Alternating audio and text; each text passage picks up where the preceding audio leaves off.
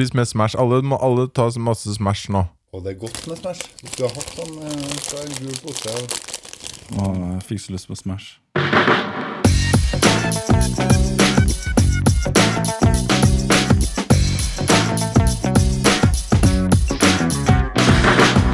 Du hører på Psykologlunsj, populærvitenskapelig lunsjprat med psykologene Tommy, Jonas og Jan Ole.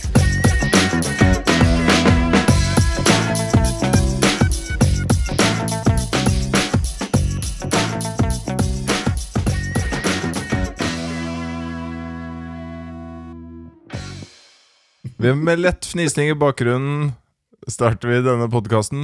Episode nummer 101 av Psykologlunsj.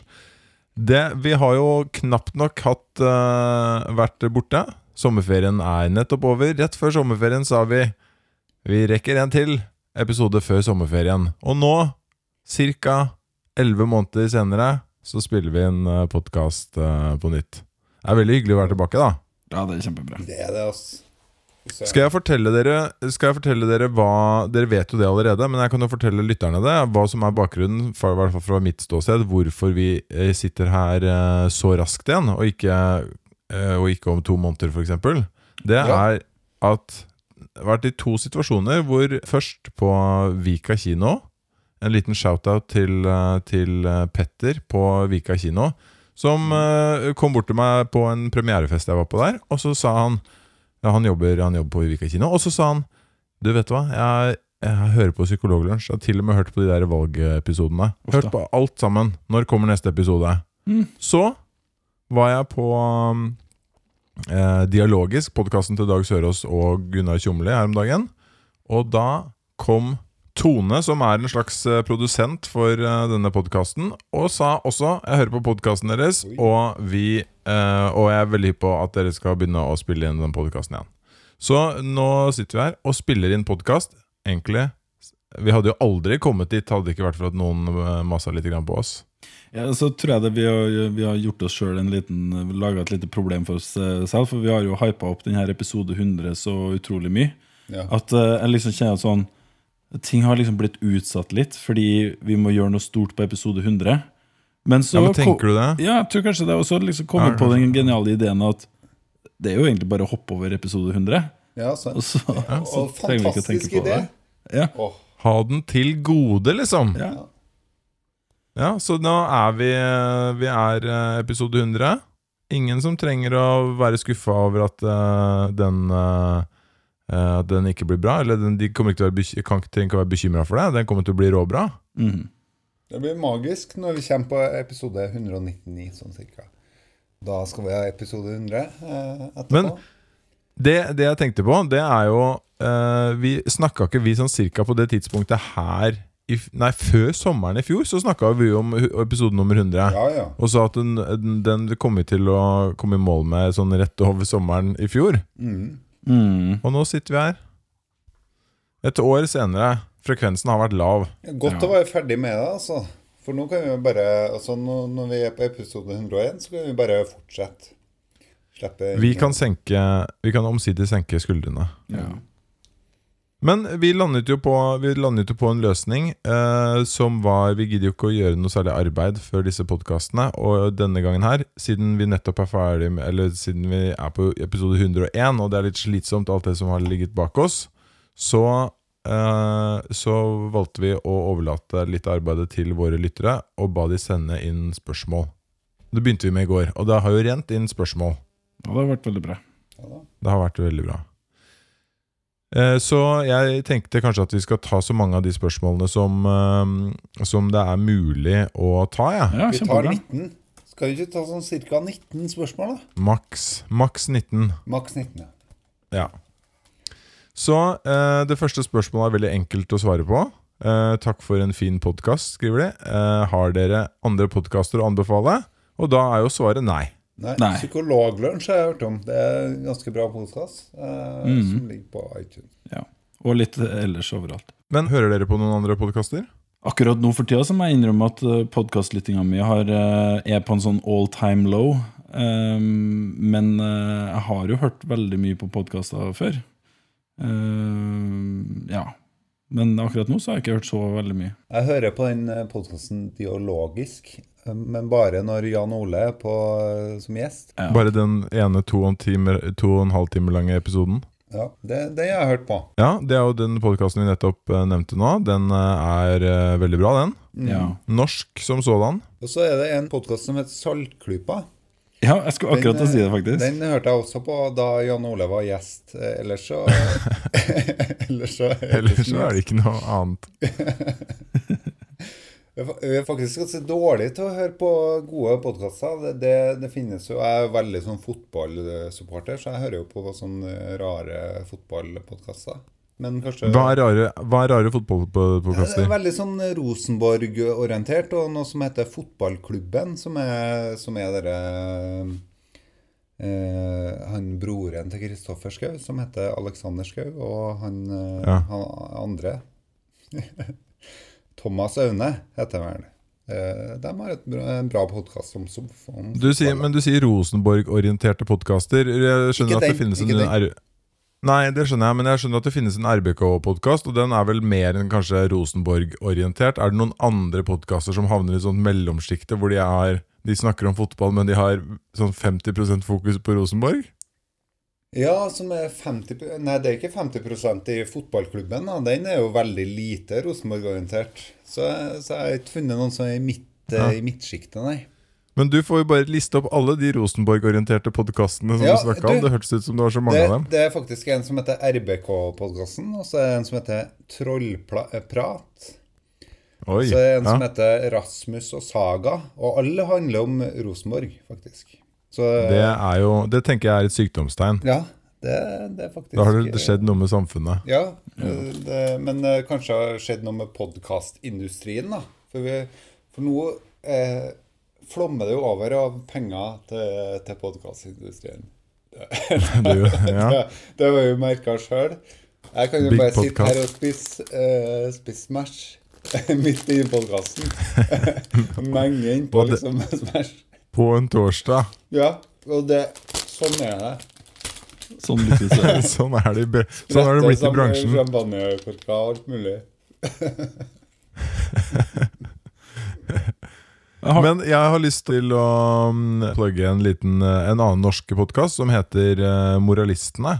Den er med Ole Martin Moen og Aksel Brånen Sterri. De, de, er, de er veldig bra på temaet, syns jeg. Mye, det er mye moralfilosofi. Men eh, det er skikkelig crappy lyd. I hvert fall var det var det. det. ja. Så vær eh, advart, eh, advart på det. Men det er veldig spennende podkast. mm. Ja. Så han har begynt med podkast, han Sterri. Han er Ja. jo ganske interessant eh, kronikkskriver og debattant. Ja, det er jo ingen av de som skyr, eh, skyr en eh, diskusjon eller to. Nei, sant? De stikker hånden sin inn i uh, opptil flere vepsebol hver eneste dag. Så siden at eh, dere er så seriøse da, og nevner sånne ting som fotball, og du kommer med, sånne, sånne type Ja, det er podkaster seriøst, Ole det. Ja, det er kjempeseriøst. Så jeg tenkte faktisk eh, Jeg hadde ikke tenkt å nevne den, men eh, jeg har faktisk snubla meg borti Eller ble anbefalt av flere andre personer en podkast som eh, heter um, My Dad Wrote a Porno. Er det noen av dere som har hørt om den, eller hørt den? Ja, jeg kjenner til uh, Er ikke det egentlig en bok, da? Jo, det er egentlig en Ja. bok. Eller det, jeg, jeg, tror, jeg tror kanskje det er en bok, men i hvert fall det, konseptet bak det er utrolig morsomt. Fordi det handler om en fyr som, eh, som har oppdaga at hans far i voksen alder har eh, bestemt seg for å skrive en erotisk novelle. Og så lar han da sønnen sin få lese den boka. Og det blir da eh, ganske sjokkerende for denne sønnen å få med seg hvor utrolig dårlig hans far er på å håndtere kvinner, eller forstå kvinner, både eh, psykologisk, men også anatomisk og diverse. Så den er utrolig hysterisk morsom, for den, han her sønnen han leser denne boka, høytlesning fra han, eh, sammen med sine venner, og de kommer sånn cirka en halv setning eh, videre i hver episode før de bare bryter ut i krampelatter. Og det er veldig, veldig morsomt. Så det anbefales. Veldig kult. Ja, ja det høres bra ut. Herlig. Interesting. Mm. Så da, så da har vi Ja. tipsa om én dialogisk med Jan Ole Eserberg. To saltklipper med Jan Ole Eserberg. Tre. En, en eller annen fotballpodkast, eller enten RBK-podkasten eller Rasmus og Saga. Og det siste My Dad Wrote a Porno. Da har vi faktisk svart. Da har vi fullført den med det spørsmålet her, vil jeg si. Da er vi ferdig. Da er vi ferdig med det. Da har vi dekket det. Nei, altså vi, vi, Hvis eh, for, eh, for eh, de der ute som har lyst på gode, virkelig gode, seriøse tips, så er det jo sånne klassikere som This American Life eh, og Radiolab er verdt å høre på. Og alt det der. Ja, det blir fint. og så- men så er det også de, for de øh, psykologifolkene der ute, så er det eh, Det er mye er det en podkast som er ganske bra, og som er retta litt mot evolusjonspsykologi. Oi. som jeg har glemt eh, navnet på nå, som jeg må finne. Skal vi se Jo, her er den. Den podkasten den heter The Psychology of Attractiveness Podcast. Mm. Den er ganske bra. Korte, ganske korte podkaster som går gjennom gjerne én eller to vitenskapelige artikkel. Eh, Som eh, gjerne omhandler evolusjonspsykologi. Veldig, den er veldig bra. Neste spørsmål. Neste spørsmål er Har dere hørt om forskerlinja for psykologistudenter? Hva tenker dere om den? Er psykologistudent vurderer enten den eller å ta dobbeltkompetanse når jeg er ferdig. Erfaringer, råd til oss som vurderer dette. Bare for å ha sagt eh, Hvis du går forskerlinja, eh, så får du forskerkompetanse mens du studerer. Så da du- går du, Er det et år ekstra, så får du forskerkompetanse. Men det samme er dette dobbeltkompetanseløpet. Da tar du, blir du spesialist etter at du er ferdig, og så får du en ph.d. i tillegg. Eh, og så er spørsmålet her da, bør denne personen gå for det eller ikke. Og Jonas, du er jo du er forskermannen blant oss.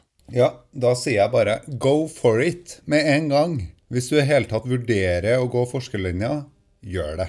Da har du allerede tenkt deg om om det der kan være fornuftig for deg. Da gjør du det.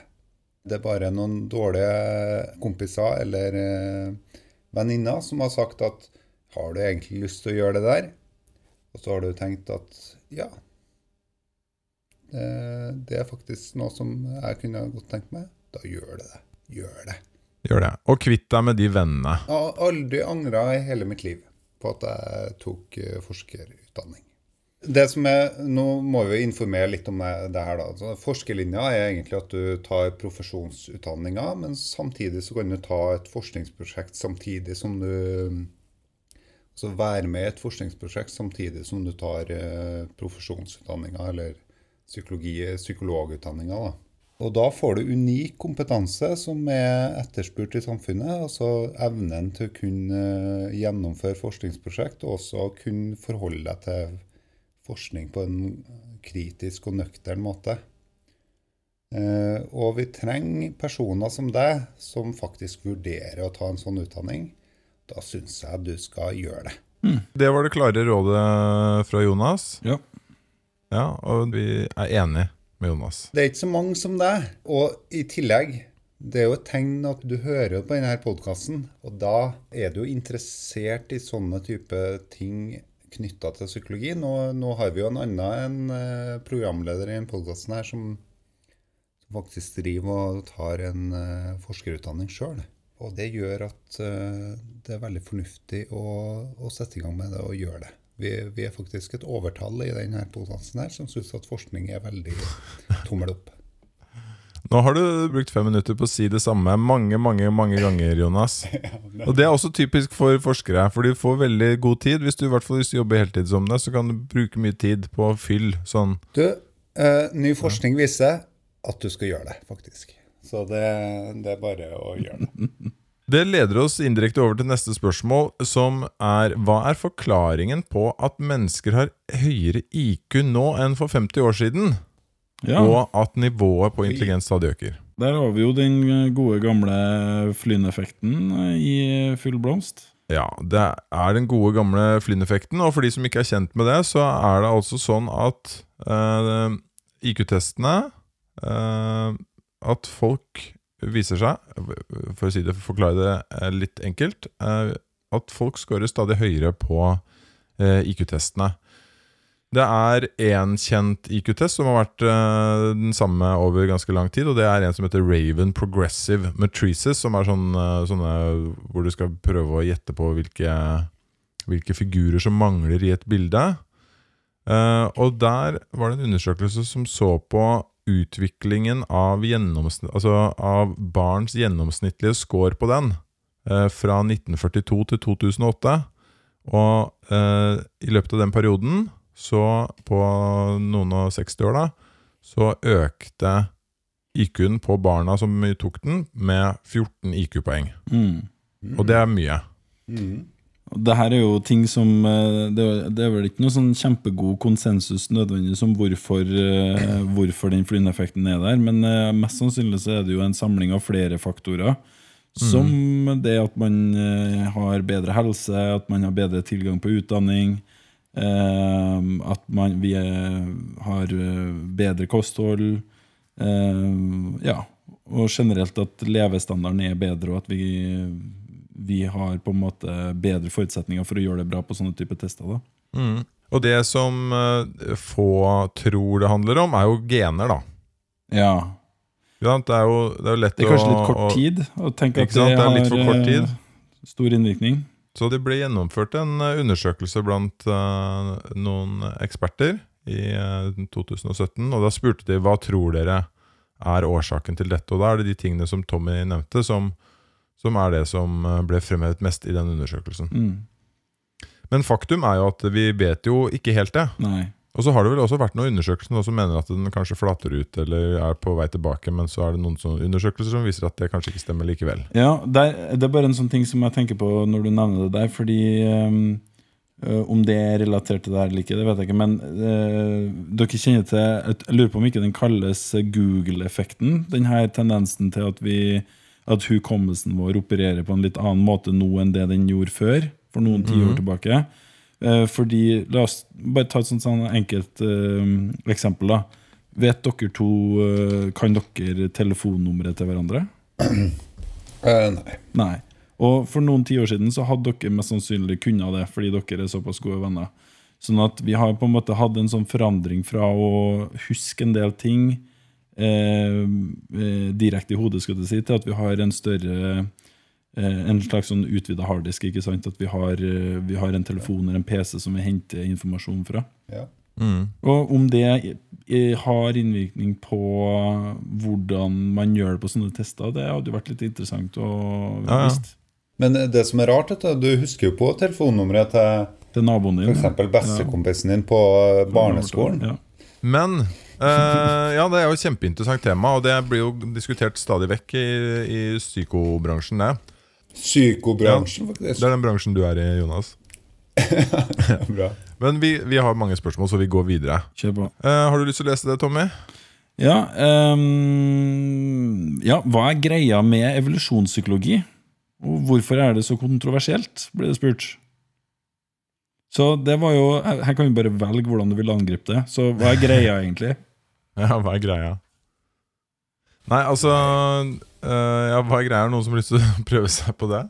Nei, det er jo tanken om at vi Altså, menneskelige egenskaper har en sammenheng med at det har blitt utvikla seg over tid. F.eks. ulike atferder vi gjør, har utvikla seg over tid fordi at vi har tilpassa oss eh, det miljøet vi lever i. da. Gjennom generasjoner. Sånn gradvis tilpasning som påvirker atferden vår på et, eh, på et vis. Som sikrer overlevelse, da. Ja, ikke sant? At det Reproduksjon, er som er, som er stas da i evolusjonspsykologien. Ja, at, det, at det enten er type atferd som, eh, som er mer fordelaktig, sånn at man overlever, eller at det er atferd som er fordelaktig på den måten at det sikrer seg en partner, at man får ført genene sine videre. Eh, og det er kontroversielt, kanskje. Kanskje det er litt kontroversielt, jeg vet ikke. Det, er- det er ikke Det er kanskje jeg vet ikke om selve fagområdet er kontroversielt, fordi det er jo bra at det forskes på det, tenker jeg, og at man prøver å finne ut av det. Store utfordringen er jo at mennesket er så utrolig komplekst. Hvis man kikker på akkurat det der med evolusjonspsykologi, da, så eh, kunne man jo bli egentlig frista til å undre seg over hvorfor er, hvorfor er ikke mennesker mer like enn det de er. For det er jo en ting man kan undre Altså menneskelig atferd, hvorfor er ikke menneskelig atferd mer lik enn det den allerede er? Hvis det var så viktig for vår overlevelse eller å skaffe seg partner. Fordi mennesker er utrolig forskjellige, og de er utrolig tilpasningsdyktige. Og de er, de er også ganske formelige. Mm. så det er jo også sånne spørsmål som evolusjonspsykologien forsøker å besvare. da. Ja, men eh, grunnen til at vi overlever, er at vi faktisk er såpass tilpasningsdyktige at vi har tilpassa egenskaper som gjør at vi kan tilpasse oss ulike miljøer. Og der eh, har jo evolusjonspsykologien Altså Evolusjonspsykologien tar jo utgangspunkt i det at vi, vi har egenskaper som gjør at vi enklere kan tilpasse oss et endrende miljø. da. Ikke sant? Og det man kan også tenke seg, er at eh, etter hvert som miljøet forandrer seg, så kan man jo også se hvordan folk endrer sin atferd. Bare, bare sånn uten at det Men sånn når det skjer katastrofer, f.eks., så forandrer gjerne folk sin atferd. Eller det blir eh, det blir ja, stor nød, eller noe sånt, og så, så har på en måte en del av atferden tendens til å skifte mot en retning. da. Så, Men så er jo spørsmålet her ehm, eh, også hvorfor eh, er det så kontroversielt? Og det er vel det er jo litt avhengig av hvem du prater med, om man tenker at det er kontroversielt eller ikke. Men er det kanskje to ting som jeg ofte opplever når jeg du hører evolusjonspsykologiske funn eller betraktninger bli diskutert. Så er det sånn at eh, i det øyeblikket man prøver å forklare hvorfor kanskje mennesker fungerer på en bestemt måte, så er det mange som nok hører at det bør være sånn. Mm. At, det, at man går fra er til bør. mm. Så et eksempel er eh, en eh, kamerat av eh, meg som heter Kyrre Vatne. Han skriver en spalte i Morgenbladet som, som har fokus på evolusjonspsykologi. Han er, har master i evolusjonspsykologi selv. Og han skrev bl.a. litt om Han forsøkte å skrive et innlegg om eh, metoo, og hvorfor han trodde at vi kan nok ikke regne med at dette er et problem som løser seg 100% med en gang, fordi mennesker er skrudd sammen på eh, den og den måten, skriver han da. Og da var reaksjonen fra eh, en del folk tolket han i retning av at han mente at det burde være sånn. Mm. Ja, sant? Eh, og, at, uh, og at det var en måte å si på at det er bare å gi opp. Vi trenger ikke å gjøre noe. Og det er jo et sprang, føler jeg veldig ofte. Jeg føler at folk reagerer veldig kraftig, veldig raskt. da. Mm. Skal vi ta et par spørsmål til? Er det noen flere her. Ja, da er det neste spørsmål. er, er disse spørsmålene virkelig anonyme? Nei, Geir! Det kan du Takk, Nesse. Geir Fridtjofsen Hansen. Dette er anonyme spørsmål. Nei, de er faktisk helt anonyme. Mm. Eh, Jeg prøvde å sjekke det, for jeg ble litt usikker. Kanskje er det sånn, for Vi tar det inn mellom, gjennom et sånt Google-skjema. Og Så prøvde jeg å sjekke Er det sånn at de er anonyme, eller samler Google litt informasjon så de kan finne ut hvem du er. Men hvordan vet vi at den heter Geir da? Altså, Hvis du som har sendt inn det spørsmålet, om de spørsmålene virkelig anonym, faktisk heter Geir ja, men Det er profiling, kalles det. Ut ifra det spørsmålet der, Ja. Så kan vi som psykologer klare å profile han til at han er Geir Fridtjofsen Hansen og bor i Rakkestad. ja. Og hvis du faktisk heter Geir Fridtjofsen Hansen og bor i Rakkestad, så skal du få en kopp. Eh, Psykologlunsjkopp. Eh, og hvis du ikke er det, men prøver å lure oss, så må du registrere en, eh, registrere en folkeregistrert adresse i Rakkestad som Geir Fridtjofsen Hansen. Hvis du gjør det, går så langt, skal du få en kopp da òg. Selv om det er lureri. Veldig bra. Ok, neste spørsmål. Hei. Jeg har et problem hvor jeg er avhengig av å dryppe matfarge inne på øynene. Ja. Vet ikke helt hvorfor behovet er der, men jeg synes det er gøy med øyeepler som fylles med andre farger. Dette har så klart helsemessige utfordringer, og jeg har prøvd det meste for å slutte med dette. Har dere noen tips, råd til hvordan man kan prøve å venne seg av dette? Hilsen vedkommende med irriterte røde øyne. Det er jo eh, første gang jeg hører om det. Mm. Er det Tror Dere virker ikke overrasket i det hele tatt? Dere har hørt om uh, denne problemstillingen Nei, flere det, ganger? det Nei, her altså, nei, altså, jeg tenker bare Jeg, jeg er bare veldig sånn jeg, jeg prøver jo veldig ofte å ha en stil eh, hvor jeg ikke dømmer folk så hardt. Så jeg bare liksom jeg bare Ja. aksepterer det. Men eh, mm. vi, vi, må jo, vi må jo nesten anta at dette er uh, et seriøst spørsmål. Uh. Eh, og så Ja. er, det jo, uh, så er det jo sånn at egentlig tilnærmingen til eh, dette, dette er jo egentlig litt det samme, enten man drypper matfarge på, eh, på øynene sine, eller man eh, har andre typer tvang. F.eks. å nappe håret sitt. det er det noen som har. Trikotilomani kalles det, da. Men Ja. hvordan angriper man dette, Ja. Tommy? Eh, ja, fa faktisk, akkurat når du, siden du spør om trikotilomani, det er faktisk en av de behandlingsmetodene jeg har forsøkt å sette meg inn i eh, i, i klinikken. Eh, og det er ikke sånn kjempelett å gjøre noe med, faktisk. Uh, det er noe forskning som tyder på at en uh, metode som heter habit reversal training, kan være effektiv. Men at man har mye tilbakefall. da Men, men det går an. Det, det fins muligheter til å øve på det, for det fins faktisk ganske mange som strever med akkurat det. Men hva, ja, hva, hva er habit reversal training, da?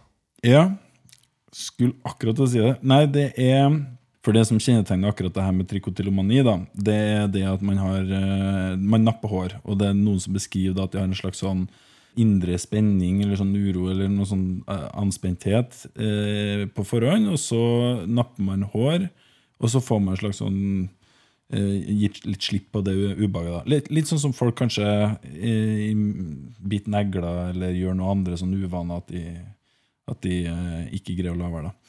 Og den her habit reversal traininga det handler mye om å prøve å gjenkjenne litt det her, og så prøve å dirigere atferden over til noe annet. da. Eh, før det blir så, så ille at man eh, napper de her håra. Eh, en stund siden jeg holdt på med det nå, så jeg vet ikke om jeg fikk til å forklare sånn helt eh, korrekt hvordan det er. Eh, men det går an å prøve å øve litt på akkurat det. Når det gjelder akkurat det med matfarge på øya, så eh, kan det godt være at det finnes andre muligheter. Eh, hvis man virkelig, virkelig ikke ønsker å holde på med det her, så kan man jo prøve å gjøre noe med situasjonen rundt før det kommer til det punktet at du får lyst til å dryppe matfarge inn på øynene. Som f.eks. sørg for å ikke ha matfarge i huset. Ikke kjøp matfarge på butikken når du er på butikken, og kast all den gamle matfargen du har i huset. Sant? Fordi vi har altfor mye lit til vår ryggrad når vi står i en situasjon, og det er egentlig egentlig Og det kalles det kan, øh, Et vanlig begrep om akkurat det er at man lager en Ulysses-kontrakt med seg selv. Man binder seg til masten, som Ulysses gjorde da han skulle høre sirenenes sang. Det Mm. er generelt en god strategi når man ønsker har lyst til å la være å gjøre noe som er eh, dårlig for en. Hmm. Jeg tar å lese et nytt spørsmål, da, hvis det er greit. Gjør det. det, det akkurat, Mm. Men bare for å sagt det, vi kunne snakket videre om det spørsmålet her. eh, absolutt. Men eh, det får vi ta en annen gang. tar vi kanskje episode 100. Um, jeg bare har lyst til å ta det her. Kan dere komme til psykologistudentene i Lillehammer? Dere har mange lyttere her. Smilefjes. Vi vil veldig gjerne komme til eh, psykologistudentene i Lillehammer. Vi har hørt veldig veldig mye bra om psykologistudentene i Lillehammer. Ja, Spesielt Håkon og Kristin, som er ekstra dyktige De begynte jo på psykologi. Introduksjonsstudiet i I psykologi. 1994. Eh, nei, 94. de var jo litt for unge da, men det var på slutten av 90-tallet. Ja, så det. var de, var de på, de, altså. Åh, det er så mye folk som eh, går på første semester i psykologistudiet nå. Sånn De var som ikke født da engang. Skjønner hva sier. Det var de faktisk ikke. Men, men, eh, men helt seriøst, vi kunne godt tenke oss å komme dit. Vi er, men vi er jo Vi får jo ikke til nesten noen ting. Tenk deg hvor fett, Nei, da. det ganske dårlig Tenk deg hvor fett å ha hatt episode 100 med en sånn Med en eh, psykolo psykologlunsj-pinn. Så vi kunne ha deala mot gamle OL på Lillehammer-pins. Ja, da jeg hadde, jeg hadde arbeidsuke eh, i, eh, i under OL, og da jobbet jeg et sted som lagde premier, og de hadde et lite lass med sånne pins. Og da jeg sluttet Ja. her etter en uka, så kunne jeg velge meg tre pins. Og jeg var Oi. sikker på at jeg kom til å bli søkkrik av å, dis, å selge de videre. Men ja. vi kommer gjerne til Lillehammer. Ja. Hvis de inviterer oss og, og får oss på toget til Lillehammer de må, de må sørge for at vi kommer oss på det toget. Ja, det, det inkluderer faktisk å dra til Drøbak, hente Jan Ole, holde den i hånda, dytte den inn på toget. Og Oh, yes. litt sånn. Ja. Jeg, jeg har et spørsmål til som jeg så i lista her som jeg hadde lyst til å stille. Hvis det er greit. Do it. Er det alltid smartest å være blid og positiv? Det syns jeg var et bra spørsmål. det. Ikke nødvendigvis. Jeg vil si at uh, Helt seriøst vil jeg si at du har nok et ganske stort problem hvis du alltid er blid og positiv. Det er lurt å kunne liksom spille på flere sider av personligheten sin. Ja, Eh, ja, ja Jonas? Altså bli jo positiv eh, hvis du i, i form av å være enig, eller liksom være medgjørlig i alle situasjoner, f.eks. Og du har det argumentet, ja. Mm, helt enig. Ja. Ja, det var et godt eh, så At du utarmer deg sjøl, det er ikke så lurt Nei. da at du på en måte ikke tar plass på egen hånd og har dine egne argumenter. Det, det trenger ikke nødvendigvis være så bra. Jeg, jeg tror kanskje det, det jeg tenker på når jeg hører det her nå, det er litt sånn altså, Er det sånn at man må jobbe for å liksom eh, gå inn for å være blid og positiv, så kan det være litt slitsomt. For det er litt som dere sier, at da, det, er nok, det er nok lurt å kunne ha muligheten til å være fleksibel og spille på flere følelser. Men hvis du er en av de personene som bare er så heldige at de bare, de bare er genuint blide og positive hele tiden, så er sikkert det også veldig ok. Tenker jeg da. Jeg liker å se på meg sjøl som en litt sånn gretten type, men uh, dem som kjenner meg, kjenner meg som en uh, fyr som er egentlig ganske uh, positiv ganske ofte. Ehm, og da som, jeg kjenner deg mer som den gretne typen, Jonas. Ja, ja, det gjør det. Ok, Ja, ja, men det er greit. Da, da skal jeg slutte med det argumentet der. Eh, det lønner seg å være gretten, da. eh, tydeligvis sånn som jeg er. Ja, nå ble det veldig bra stemning her. Eh, men det lønner seg å ha Altså, hvis blid og positiv handler om å være det som kalles løsningsorientert, da, som blir ut som er utbrodert i, store, i stort monn blant eh, coaching- og ledelsesutviklingsbransjen. Eh, altså sånn eh, type eh, altså det, blir misbrukt, den måten, eh, altså måten å omtale den måten å forholde seg til utfordringer på.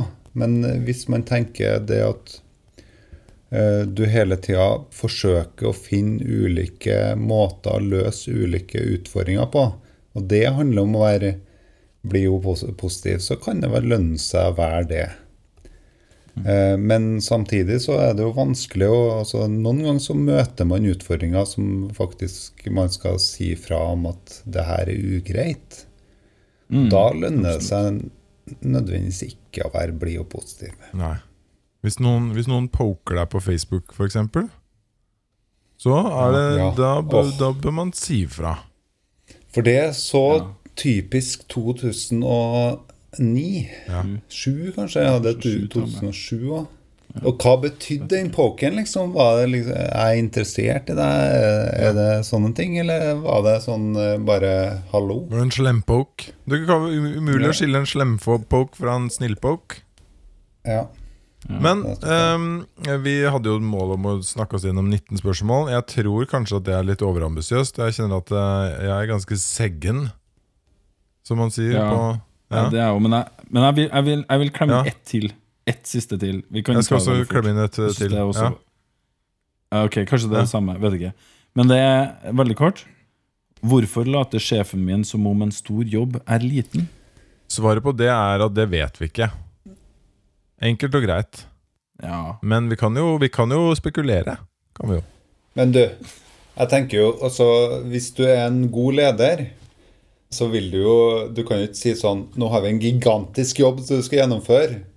Og så har du ikke råd til å betale overtid. Så derfor må du jo, du må du jo pakke det inn som om det er en liten jobb. Men Så det, Men- det er litt sånn, sånn Det er Concord Policy, hvis dere husker på det fra før. blir det helt riktig. dem, hvis du lurer de ansatte med på arbeidsoppgaven også Hvis vi snakker fra ledelsesperspektivet, da, lurer de ansatte med på oppgaven, så vil de etter hvert få et eierskap til, til den oppgaven.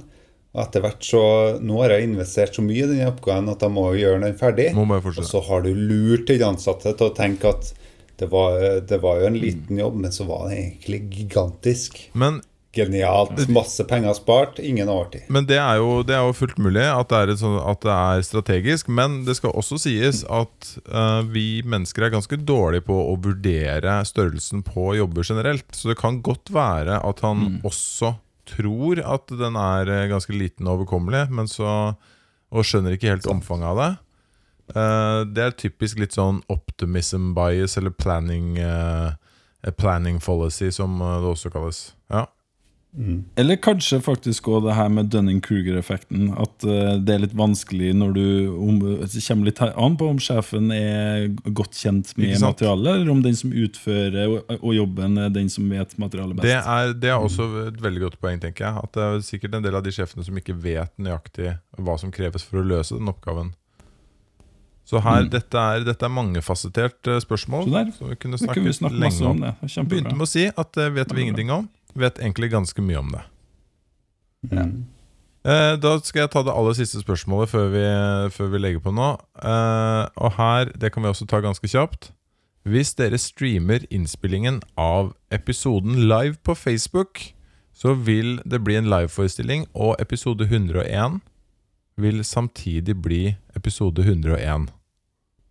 jeg vet ikke hva det betyr for noe. Vil dere gjøre dette? Uh, Eh, Ja, nå er det var for sent. var vel at episode 101 ble Antagelig skulle det stå det. Ja. Uh, og, men, Ja. og så er spørsmålet Kommer dere til å gjøre dette. Og siden vi nå er ved veis ende for episode 101, så er det ganske innlysende at det kommer vi ikke til å gjøre. Det Så det, det, det er svaret på, på det spørsmålet. Men Ja. eh, Og det hadde nok vært en ganske dårlig idé, fordi jeg ser jo på alle oss tre nå at vi ser jo ikke ut i måneskinn. Vi er nei. slitne, livstrøtte, 40 år gamle menn. Nei, jeg er bare jeg er 40 år gammel. Er det ingen av dere andre som er ja, det? du er 40 år gammel. Nei, jeg er, jo, jeg er jo 37. Jeg er jo ikke i nærheten av jeg er 40. Åh. Herlighet. Jeg, jeg er jo på Notting fortsatt uh, i Trondheim. Ja. Eh, After Dark og Notting jeg driver jeg går, på, går ut på i, i Trondheim, da, som er, utested for 18-åringer. Mens jeg er henvist til frakken. ja, det, det, du er på frakken, eller på Bobby Spar, du faktisk. Nei, men eh, vi, vi kan jo fortsette med disse spørsmålene. Og så er det jo sånn at eh, det er jo Egentlig så var dette funka det ganske bra å samle inn spørsmål på den måten her. Så hvis eh, folk går inn på Facebook-siden, så kan de fortsette å sende inn spørsmål i dette helt anonyme eh, skjemaet. Og takk til Randi, Geir og Isak, som har sendt inn spørsmål. Som var de flittigste til å sende inn anonyme spørsmål. Ok, Da ses vi igjen om to uker, som fort kan bety Jeg vet ikke hvor lenge Hvor, hvor lenge varte det nå før vi kom på? Nå, denne gangen skal vi faktisk Vi jobbe hardt en for å få det. i, vi hadde en innspilling i begynnelsen av juni og sa vi kom til å være tilbake om to uker. Og nå sitter vi her i slutten av september og spiller inn denne episoden. Ok. Ja ja. Men uh, det ble en episode, i hvert fall.